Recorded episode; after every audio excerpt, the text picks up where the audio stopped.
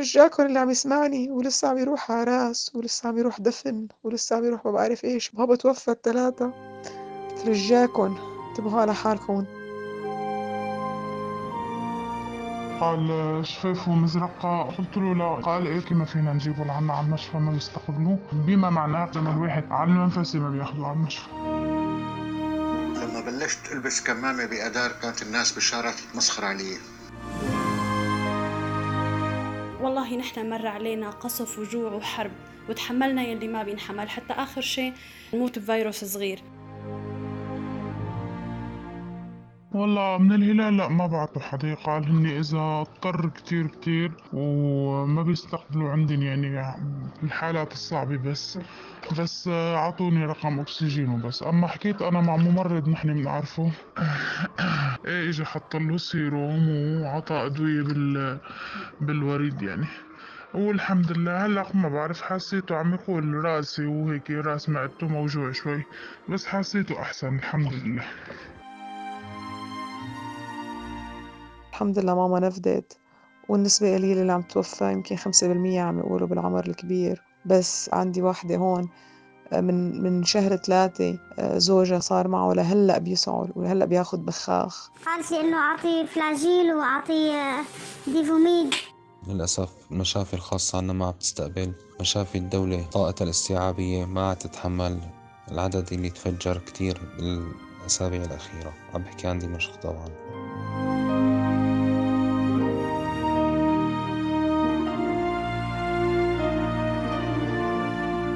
ما سمعناه هنا.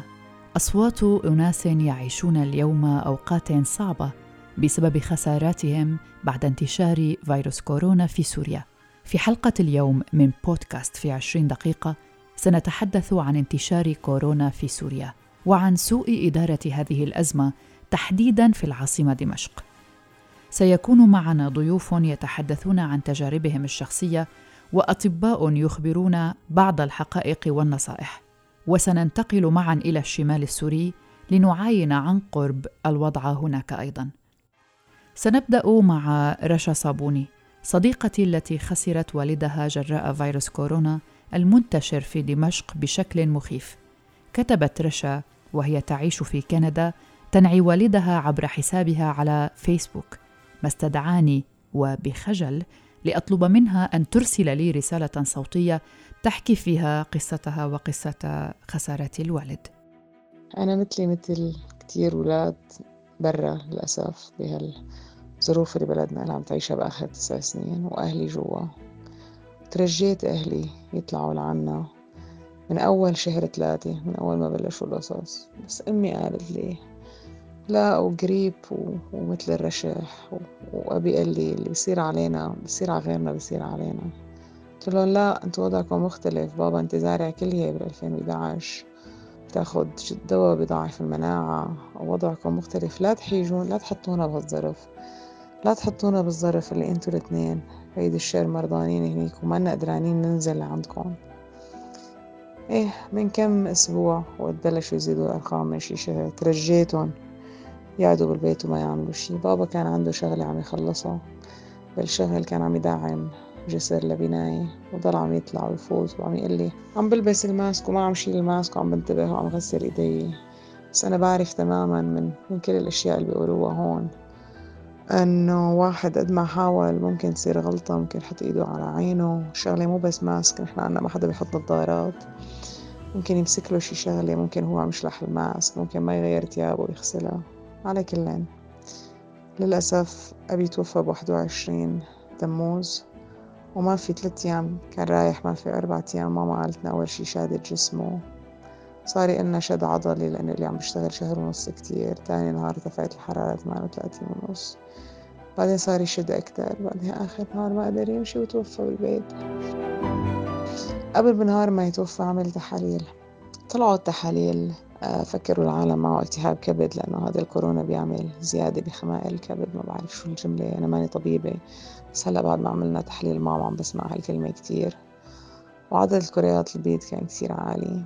والمهم بعد ما عملنا فحص ماما طلع هو فحصه مثل فحص ماما بس هو أكثر بكتير. بس ماما وقت بعتنا فحصة لكل هالدكاترة لأنه صرنا ما بدنا نخسر التاني لأنه واحد خسر الأول بصير بيقاتل بإيديه وأسنانه ما يخسر التاني فكلهم قالوا لنا إنه التقرير كان تماما تقرير مريض كورونا يعني كل الأرقام. وكان في كمان عدد خثرات كبير الله يحميها. ودغري بلشنا ناخد مميع بطلب من الأهل اللي عم يحسوا بأي عارض إنه ما يكذبوا على أولادهم اللي برا. ماما أول شي كانت عم تكذب علينا مشان تريحنا. إن كان أنينة الأكسجين نحن لمناها من هون هون في عنا إنترنت هون في عنا اتصالات هون في عنا كل شي. إن كان الأكسيميتر نحن عرفنا عند مين هذا قياس جهاز الأكسدة نحن عرفنا عند مين وهي من قرايبتنا يعني بس نحن عملنا كل الاتصالات. كل طلباتها تبع الدكاترة. إن كان الدكتور اللي هي عم تشوفه بالشام اللي قدرت حصلت لها بسبب إنه هون في نهار دقيت لكل رفقاتي اللي أهلهم دكاترة. وحدة جزاها الله ألف خير أبوها كالعادة مو أول مرة بيوقف معنا هو دلنا على دكتور حسن حاروش واللي كان عم يرد على ماما دغري. وأنا كان بدي حدا يكون نفس توقيت ماما يعني بالشام. وهي لحالها لحالها لحالها بالبيت. كانت بعدين بعد ما صارت مرة كان في ليلة ما عاد تقدر تتنفس وداق نفسها كتير وما عاد تقدر تتنفس. دقت لبنت عمتها وهي صديقتها كتير الله يحميها يا رب. وراحت جابت لها جهاز الأكسدة ووقتها أمنا لأني أكسجين. ومن وقتها صارت بنت عمتها بتزورها مرة الصبح ومرة مساء طبعا هي بتقعد بالصالون وبتقعد بالغرفة وكتير كتير كتير كتير بينتبهوا. كتير يعني مع ماسك ومع كل شي وهلأ نحن كمان ميتين رعبة على بنت عمتها. الله يحميها يا رب ما بتستاهل لك الخير. مهم لكل العالم اللي لسه بسمعهم عم يقولوا أو مثلا رفقاتي اللي من قبل يقولوا لي يلا آه كله رش حبيبتي نحن السوري عنده مناعة. ما بنساهم هدول الجمال. السوري عنده مناعة. آه انتو تبعكم شعبكم خايف. نحن حرب وما بعرف إيش. كنت أقول لهم بوس رجلكم انتبهوا. يمكن انتو عندكم مناعة شباب صغار. بس أهاليكم وأهالينا لساتهم هنيك. بترجاكم انتبهوا.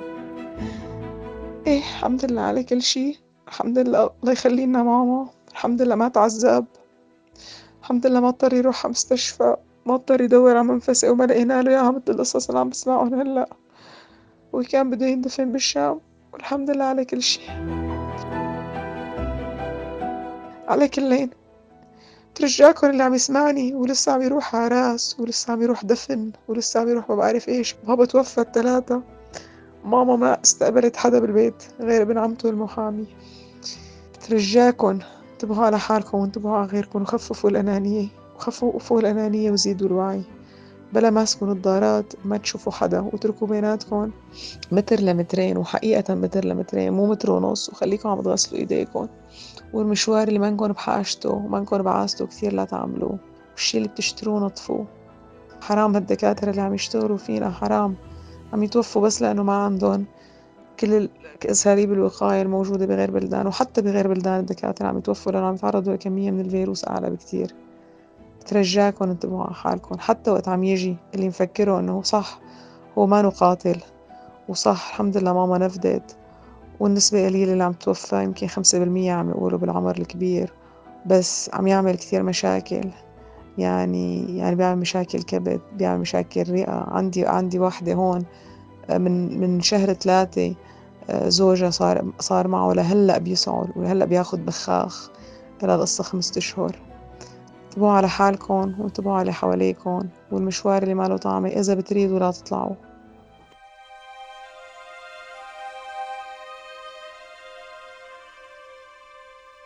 أعتقد أن رسالة رشا اختزلت الحكاية هذه الأيام. خسارة بحجم خسارة الوطن يعيشها السوريون مجددا وهذه المرة السبب هو كورونا. ومن خلال متابعة وسائل التواصل الاجتماعي تجد أن السوريين انقسموا مجددا فهناك من يضع اللوم على الحكومة والنظام الذي سبق وحنث الوعود بحماية أبناء بلده وعلى الوزارات المعنية وعلى تجار الأزمات أيضا. وآخرون لاموا غير المدرك لحجم الكارثة والذي على ما يبدو أثقلته الجراح فخدرته الأوجاع السابقة. سننتقل لنستمع إلى دكتور حسن هنداوي أخصائي داخلية قلبية مقيم في دمشق. بحكم عمله في مستشفى ابن النفيس وفي عيادته الخاصة يستقبل في الآونة الأخيرة حالات كثيرة لمرضى مصابين بفيروس كورونا.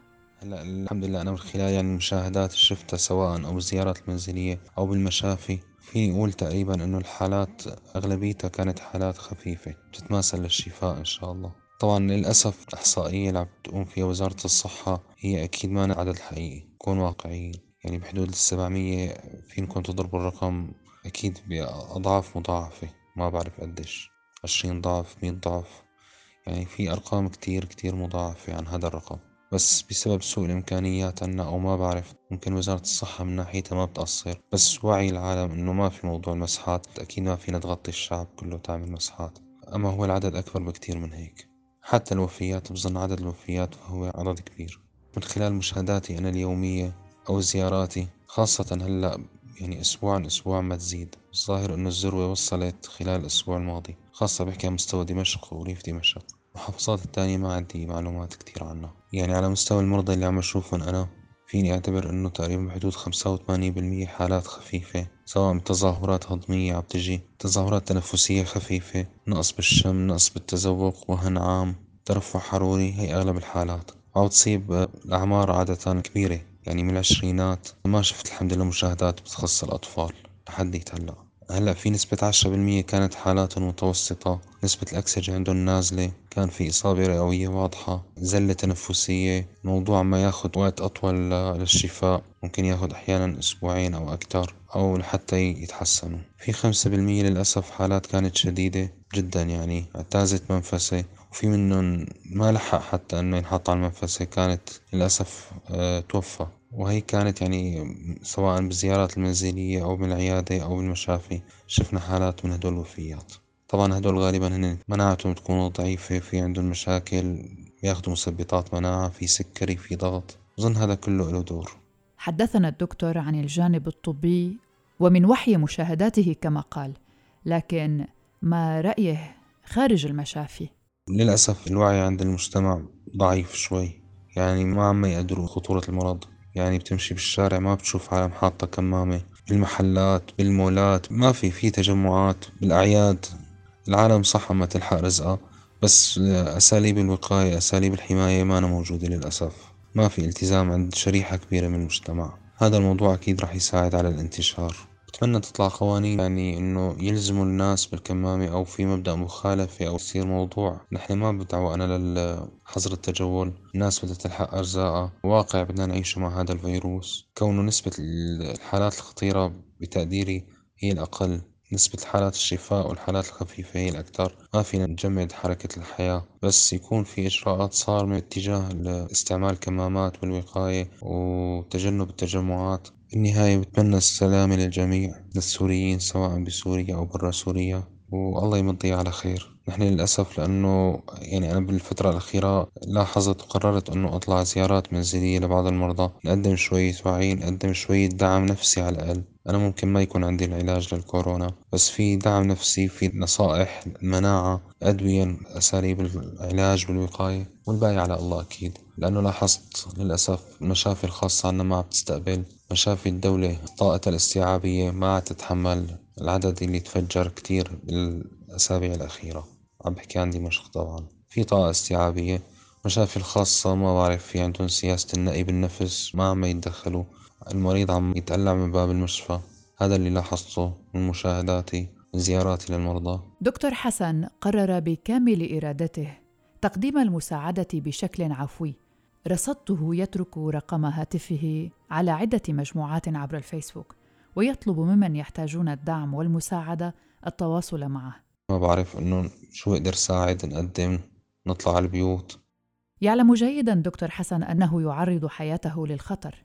فهو يقوم بزياراته الميدانية لمرضى كورونا دون توفر أساليب الوقاية لكنه مستمر في ذلك من باب إنساني ومهني وأخلاقي ومن إحساسه بالعجز والخذلان. الله يحمي الجميع ويمضي هي الأزمة على خير إن شاء الله. يتوقف الجميع عند الأرقام التي تعلنها وزارة الصحة. الحديث هنا عن أعداد الإصابات أو حتى الوفيات ويكذبونها. كما تحدثت جهات كثيرة عن انتشار تجارة جديدة تعتمد على تزوير وثيقة الوفاة حتى لا يدفن الأهل في مقبرة نجهة ويلقى الأموات مصيرا مشابها لما لقيه المعتقلون المغيبون تحت التعذيب. كما يتم الحديث عن قدرة وزارة الصحة والفريق المعني بإجراءات التصدي لفيروس كورونا والمستشفيات على إجراء مسحات تكفي الجميع أو حتى توفير ما يلزم لعلاج هذا الوباء والحد من انتشاره. لذلك يلجأ البعض لوسائل بسيطة بينما هناك من لا تسعفه مقدرته على فعل شيء آخر باستثناء العزل المنزلي غير الفعال في الكثير من الأوقات. ذلك بسبب أن هناك نسبة كبيرة من العمال بالمياومة أو ما يسمى عمل بأجر يومي وهناك آلاف الأسباب الأخرى.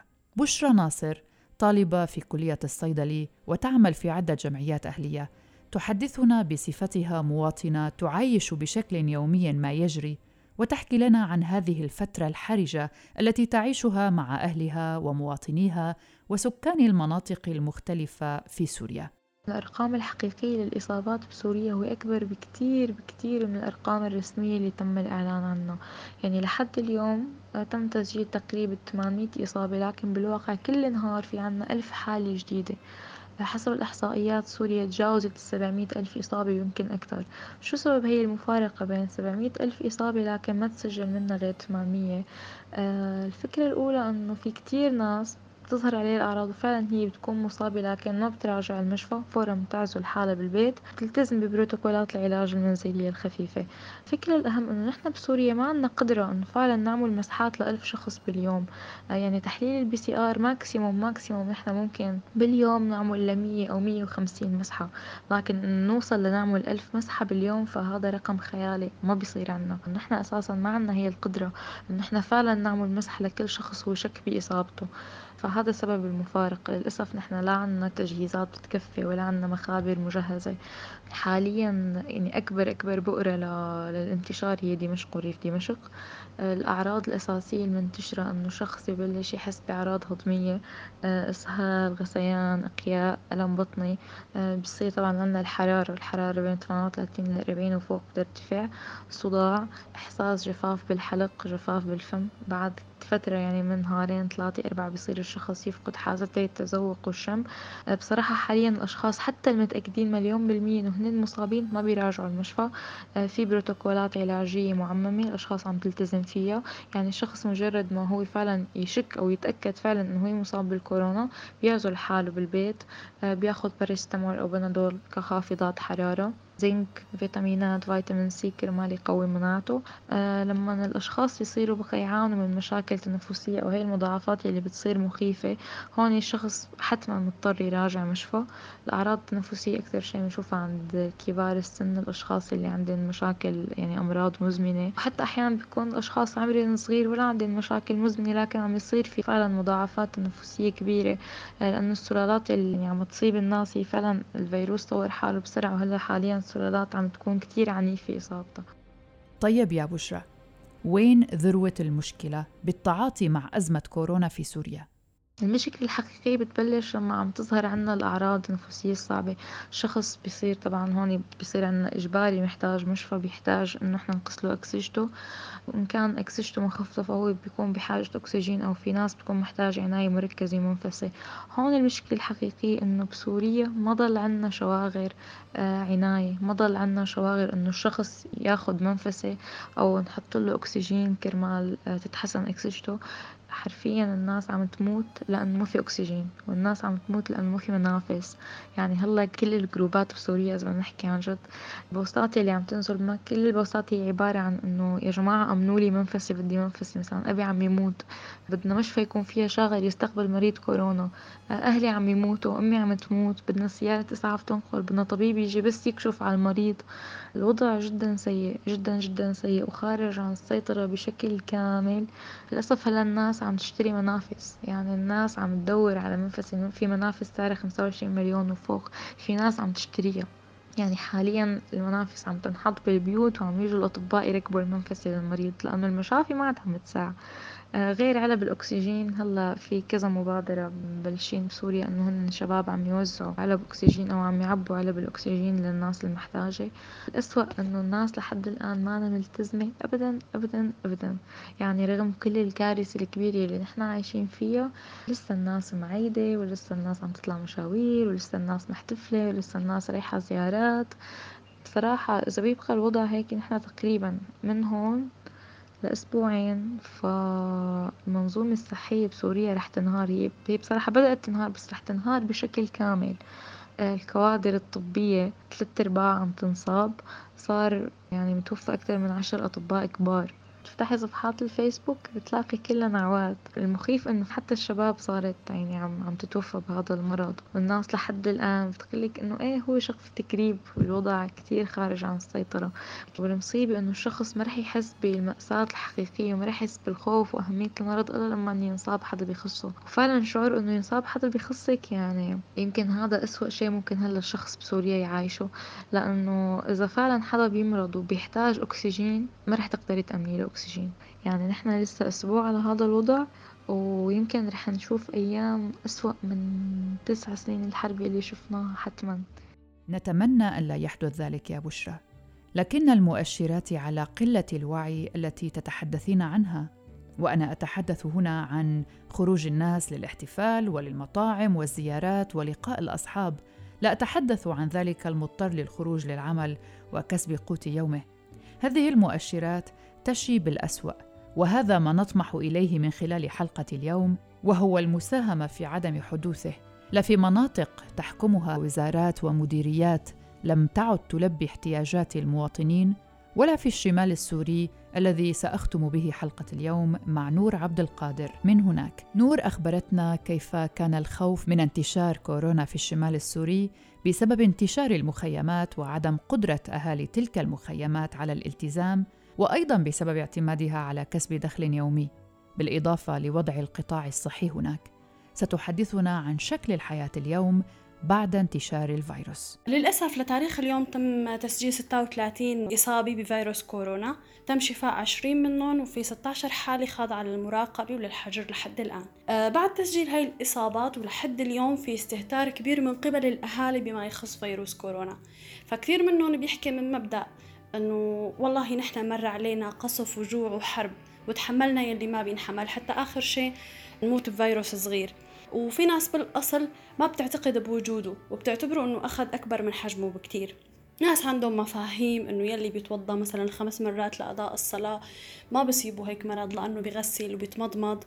في كثير من المفاهيم والمعلومات الخاطئة بالرغم من آه، انطلاق العديد من الحملات التوعية من قبل فرق الدفاع المدني والمنظمات وغيره إلا أنه ممكن أنت تشوف مثلا أشخاص بيتمسخروا أو بيطلعوا نظرة استهزاء للشخص يلي بيرتدي كمامي أنه مثلا هذا خايف على حاله بالرغم من هذا الوضع يلي نحن فيه.